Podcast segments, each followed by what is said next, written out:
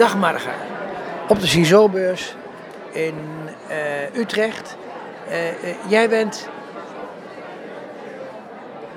wat voor functie heb jij bij de oogvereniging? Ik ben verenigingsmedewerker. En dat wil zeggen dat ik ondersteunend ben voor allerlei groepen en leden die binnen de oogvereniging actief willen zijn, kunnen, willen worden. Uh, en, en, ondersteunend dus ook voor de groepen die, uh, die actief zijn in de, in de oogvereniging. Dus eigenlijk het verenigingsgebeuren van de oogvereniging? Ja, ja het is echt intern, vooral intern gericht. Uh, ja. nu is de oogvereniging eigenlijk al vijf jaar bezig met fuseren. misschien heb je al deze functie ook wel gehad in de NVBS? Nee, nee ik ben, bij de NVBS was ik niet in dienst. Daar was ik vrijwilliger. Ik was wel lid, ik was vrijwilliger. Maar ik was niet in dienst. Bij de oogvereniging ben ik echt in dienst gekomen. Dus word ik ook betaald uh, voor de uren die ik erin steek. Oké, maar uh, uit het hele fusieproces van uh, ongelijksoortige verenigingen moet op een of andere manier een, een, een eenheid komen. Hoe, hoe is de filosofie daarover geweest en hoe gaat dat eigenlijk? Ja, nou in het begin, direct na een fusie, heb je dat eigenlijk altijd. Je hebt allerlei groepen met een eigen identiteit en dat moet samengaan. Dus in het begin is het een beetje een, een uh, bij elkaar geraapt uh, gebeuren. Zooitje dus. Mag ook, ja. Uh, en nu langzamerhand, na, na vijf jaar, zien we ja, gewoon contouren ontstaan. En dat is een samenspel tussen bestuur, ledenraad, bureau en leden. Dus, dat was de oude ledenraad? Ja. En maar je, hebt dus een, uh, je had dus de NVBS met heel veel leden. Die hadden dus ook allemaal afdelingen. En daarnaast heb je allerhand uh, andere verenigingen die alleen maar landelijk georganiseerd waren. Hoe, hoe kun je dat dan in elkaar vlechten? Ja. Binnen de oogvereniging heb je uh, groepen en daar heb je drie varianten in. Dat zijn de regiogroepen. Dat zijn de groepen wat bij de NVBS de afdelingen waren. Dat heet dan nu regiogroepen. Die zijn gewoon verdeeld over het hele land. Je hebt patiëntengroepen en dat zijn voor een groot deel wat uh, de, de andere verenigingen waren. En die zijn landelijk, want ja, bij een patiëntengroep uh, organiseer je de zaken meestal landelijk. Dus dat zijn de, de glaucoombelangen, de, de UV, groep uveitis. nou ja, allemaal gecentreerd rond een oogaandoening. En dan heb je nog een paar kleinere themagroepen die, die zich concentreren rond een onderwerp. Zoals bijvoorbeeld de geleidehond. Dus mensen met een geleidehond. Maar in principe wordt dat allemaal opgeheven en die gaan nu samenwerken in de ledenraad? Nee, nou, er wordt niks opgeheven van deze groepen, blijven allemaal bestaan. Eh, die hadden in de oude variant, in de oude variant van de ledenraad, eh, had, had iedere groep zijn eigen vertegenwoordiger. En wat we nu doen is dat we een ledenraad gaan kiezen uit mensen die, die zich gewoon kandidaat stellen. Zoals dat ook bij een gemeenteraad gebeurt of bij, uh, bij, de, bij het parlement. Je denkt van ik kan wel wat betekenen voor die oogvereniging. Ik vind het leuk om mee te denken in het beleid van de oogvereniging. Dus ik stel me kandidaat voor de ledenraad. Ongeacht uit welke groep ik kom, dat doet er niet toe. Ik doe het voor de oogvereniging. Ja, misschien is het nu goed om even te vertellen uh, hoe de structuur van de ledenraad er nu uitziet. Want die is wel anders als bij de meeste verenigingen. Nou, dat weet ik niet. Maar in ieder geval is de structuur nu dat, uh, dat wat ik zei, dat we dus mensen gaan kiezen. 16 leden van de ledenraad, waarvan er 8 worden gekozen omdat ze uh, mee willen denken, vooral mee willen denken aan de participatiekant. Dus bij de indeling van de samenleving, bij toegankelijkheidsvraagstukken. Alles wat met, met het leven en werken met een visuele beperking of een uh, visuele en auditieve beperking samen te maken heeft. En uh, aan de andere kant nog acht mensen die zich druk maken vooral over de oogzorg en de patiëntenzorg in de oogheelkunde. En dat... Uh, maar slaat dat een beetje terug op de verenigingen? Of is het een andere structuur? Nee, het, heeft, het staat eigenlijk los van de groepen. Dus je, er zijn gewoon uh, mensen die zich kandidaat stellen die dat zelf gewoon leuk vinden. Of waarvan anderen zeggen van joh, ik denk dat jij dat goed kunt, uh, stel je kandidaat. En die zeggen dan van nou, ik heb het meeste verstand van die patiëntenkant, dus ik stel me kandidaat voor de patiëntenkant. En dat is dus ja, los van een groep. Dus soms heeft hij wel bijvoorbeeld glaucoom, maar dan wordt hij dus niet een afgevaardigde van alle mensen met glaucoom. Maar het is gewoon een lid van de oogvereniging met glaucoom die meedenkt over de patiëntenkant van de oogvereniging. Ja, en nu zag ik op de ledenlijst Uh, daar zag ik nogal wat, uh, of, of, mensen, kandidaten voor de ledenraad, daar zag ik nogal wat blinden staan. Is dat, wordt het dan ook weer beheerst door bepaalde groepen? Nou, dat, die indruk heb ik niet. Ik heb het niet geteld tot nu toe, moet ik zeggen.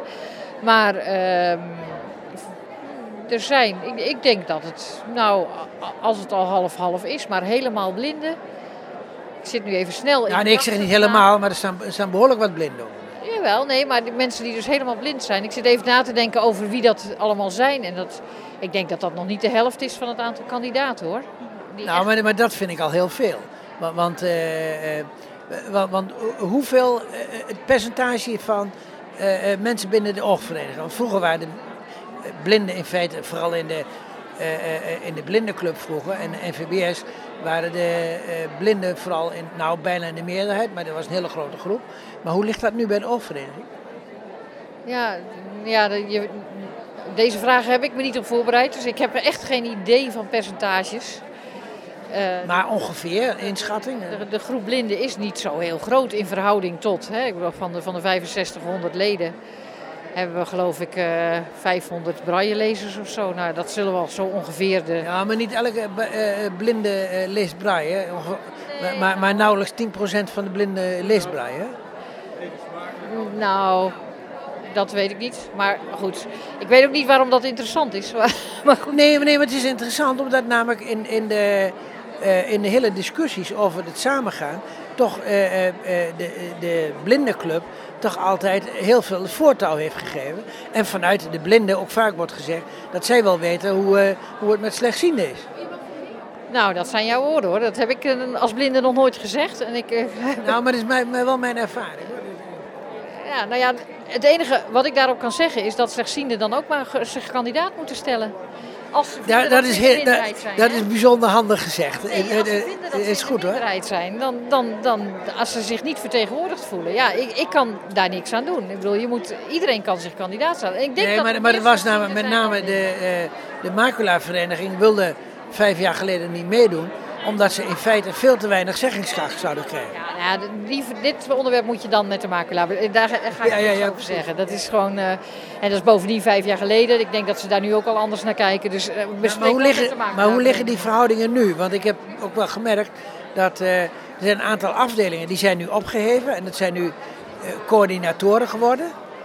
Nee, de afdelingen zijn niet opgeheven. De regiogroepen bestaan gewoon nog steeds allemaal.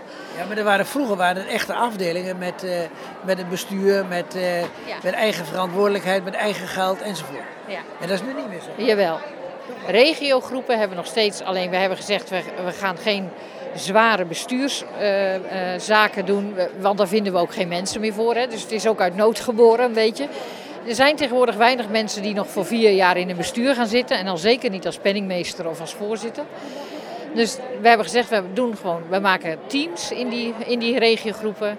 En die teams gaan alles organiseren wat ze willen organiseren. En daar krijgen ze een geld voor uit de centrale kas natuurlijk.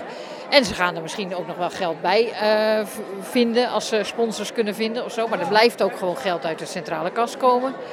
En zij gaan daar de dingen organiseren zoals we dat tot nu toe altijd gedaan hebben. Dus de mobiliteit, de digitale toegankelijkheid, de, de belangenbehartiging op dat punt, de, het lotgenotencontact, de opkomst van de oogcafés, de, nou, noem maar op. Dat gebeurt allemaal nog gewoon in de regio. Oké, nou dat is heel mooi, heel mooi. Uh, maar de ledenraad, dat wordt nu straks een afspiegeling van uh, alle leden. Ja, dat hoop ik, ja want de leden gaan kiezen. Dus ja, ik hoop dat ze kiezen voor de mensen die hun kunnen vertegenwoordigen in de ledenraad. Ja. Dus meeste, bij de meeste verenigingen is de algemene, leden, uh, reden, algemene ledenvergadering, uh, dat is het hoogste orgaan van de vereniging. En nu heb ik begrepen dat de ledenraad nu het hoogste orgaan van de oogvereniging wordt. Ja, Klopt dat? Dat is hij ook altijd geweest, hè? Dat was de oude ledenraad ook al. Is dat zo? Jazeker, ja. En, en wat voor filosofie ligt erachter Ja, uh, dan kom je in dat verenigingsgebeuren terecht. Dat is de, de, de, NVBS had dat eigenlijk ook al. Hè. De ledenraad van de NVBS was ook het hoogste orgaan. Dat is een bepaalde verenigingsstructuur waar je voor kiest. Je hebt een een bestuur dat bepaalt het beleid. En de, de, de ledenraad zegt uiteindelijk of we het ook echt zo gaan doen. En de ledenraad heeft het laatste woord daarover. En dat, ja, dat is eigenlijk altijd. Ja, ik, ik ken het niet anders. Nou, het is opmerkelijk hoor, want de meeste verenigingen is een ledenraad. Die staat vaak naast het bestuur. En is een soort advies, adviserend orgaan. En de algemene ledenvergadering is het hoogste orgaan. Ja. Ja, nou, de, de, leden, de, de oude ledenraad heeft niet gekozen voor een algemene ledenvergadering. Dat model is natuurlijk ook aan de orde geweest. Hij is niet voor gekozen. is gekozen voor de gekozen ledenraad. En weet je waarom? Ja, de, men vond een algemene ledenvergadering niet, uh, niet passen bij, uh, bij de oogvereniging. En uh, vond het zinvoller om een gekozen ledenraad te hebben met mensen die werkelijk zich ook echt dan, hè, zoals een, een, parlementariër dat ook doet, zich gaat verdiepen in de thema's en ook echt weerwoord kan geven aan een bestuur. Van hé, jullie doen het zo, maar wij denken eigenlijk dat het beter is om het zus te doen. Hè, of, of juist niet, nou ja, noem maar op.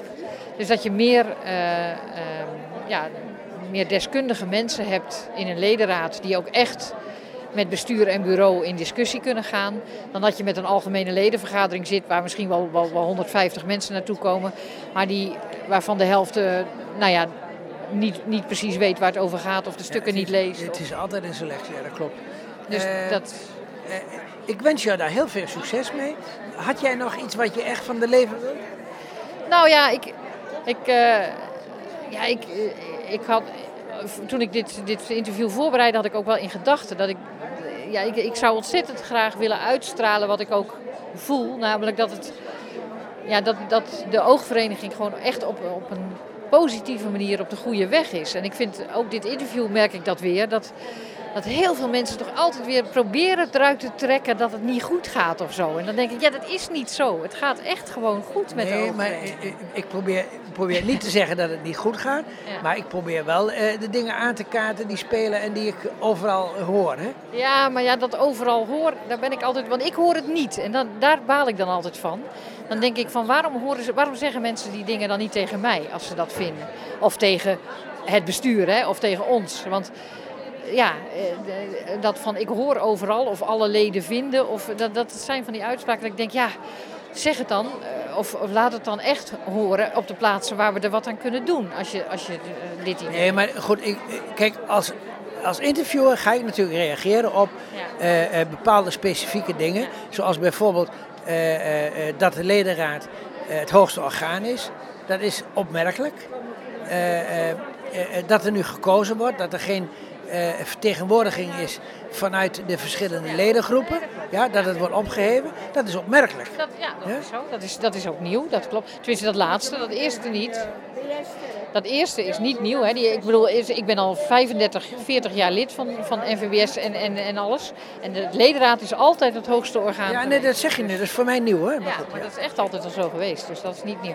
Maar nou ja, ik, wil, ik, ik hoop dat mensen uh, met mij het gevoel krijgen dat het ja, dat we echt op, op een positieve manier bezig zijn met de belangenbehartiging in Nederland.